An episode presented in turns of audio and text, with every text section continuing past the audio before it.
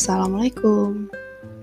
Kembali lagi dengan saya Tania Mezona di podcast Kapan-kapan kita cerita lagi. Malam ini tepat pukul 1 lewat 11 waktu Indonesia Barat.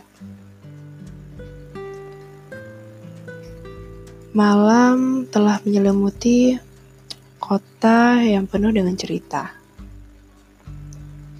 Kali ini saya akan berbagi cerita dari narasumber yang tidak ingin disebut namanya.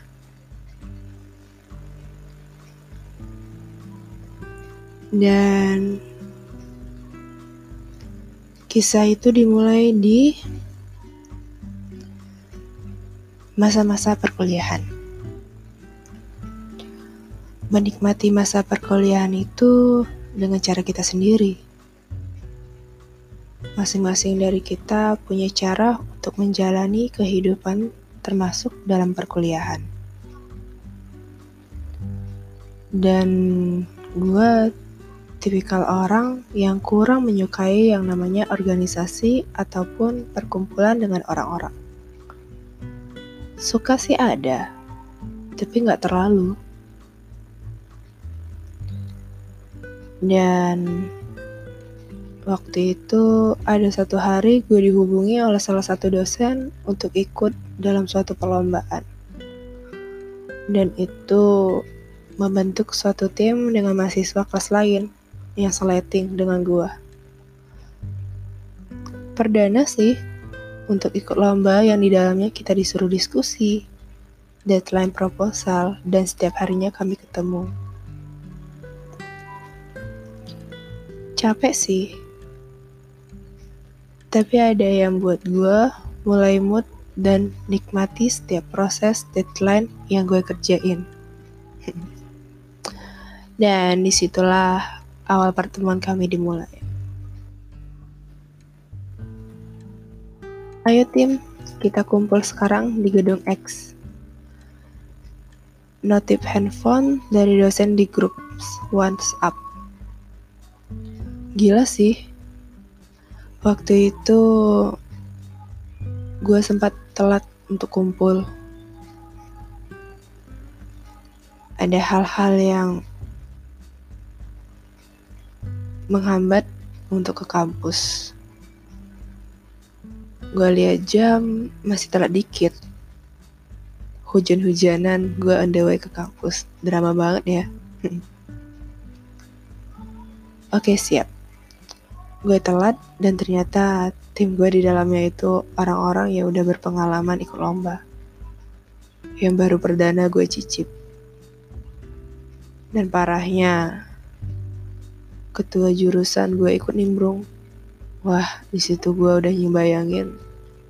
Ini nih, bakal nggak enak banget nantinya. Dan kumpul pertama semua saling fokus dan menyimak instruksi dari dosen pembimbing masing-masing. Di sudut mata gua ada seseorang yang gua amati.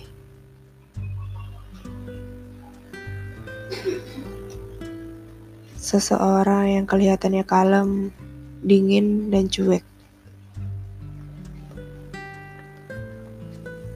Gua orang yang susah banget untuk gak bisa berpikiran negatif. Jadi gue mikir, gak seru kayaknya satu tim dengan orang yang kayak gini. Udah ah, bodo amat, pikir gue lewat itu.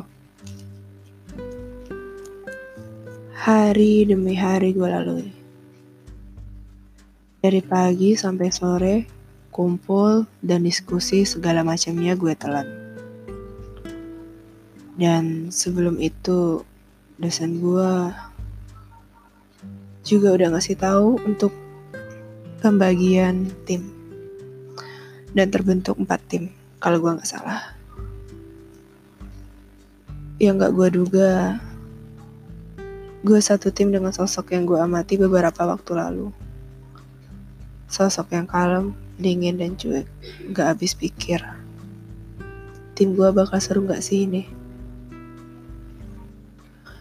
Kuliah jalan, lomba jalan. Bisa-bisa remuk nih badan gue kalau gini terus.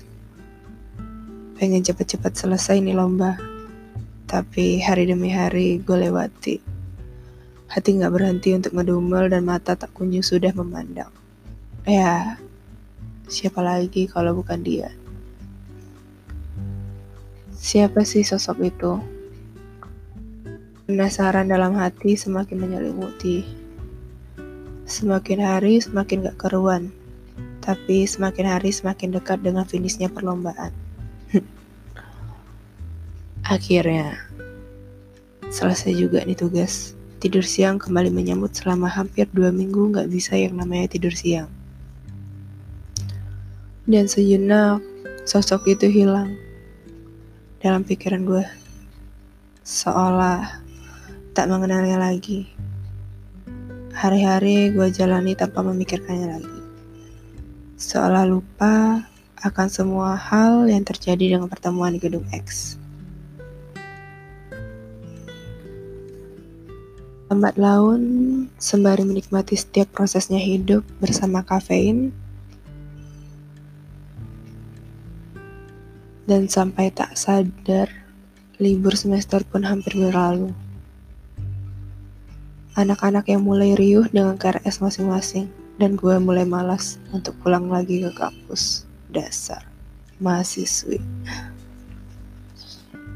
Seketika layar handphone gue dipenuhi notif grup WhatsApp dan ada satu notif yang gak asing lagi. Ya, dia lagi. Dan seketika ingatan gue putar balik lagi ke fase yang gue penasaran akan sosok itu. Notif itu tertulis nama ya nama kontak yang gak terlalu istimewa tapi membuat hati penasaran apa isi pesannya. Pesannya yang hanya berisi kata basa-basi yang sudah basi. Tapi bukan itu yang gue gubris. Gue ngegubris lagi memori yang gak berapa lama pernah mengamatinya. Sampai gue berpikir, kenapa gue mikirin dia? Gue gak kenal betul dengan dia. Ngobrol pun hanya seperlunya. Tapi semua itu gak asing bagi gue. Sebenarnya gue kenapa? Banyak hal yang terjadi setelah itu. Rasa penasaran berubah menjadi rasa respect. Setelah itu, rasa begitu cepat berganti seperti perkiraan cuaca di bumi.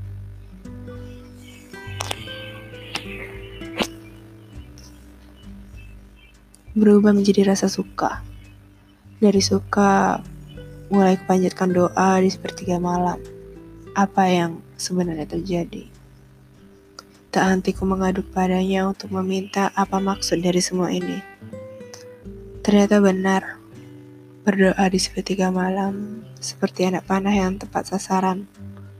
Bukan hanya tawakal, ikhtiar pun gak lepas dari gue dengan bersalat. Bersalawat setiap bertemu dengannya. Ajaibnya, salawat bisa mengabulkan apa yang kita inginkan. Dan tak lama rasa itu diketahui olehnya. Rasa yang gak karuan ini, jawab gua. Spesialis rasa itu bukan sekedar diketahui, tapi berbalas balik ke gua. Ini serius. Ini jawaban yang gue minta? Masih gak percaya. Gue jalani, lambat laun, kami hanya miskomunikasi yang menghambat ikhtiar kami. No problem. Ini jalan Allah yang disertai dan dikasih ke kita. Sampai detik ini kami saling mendoakan. Mendoakan apa saja yang terbaik bagi kami. Karena bagi Allah baik bagi Allah sudah pasti baik juga buat kami.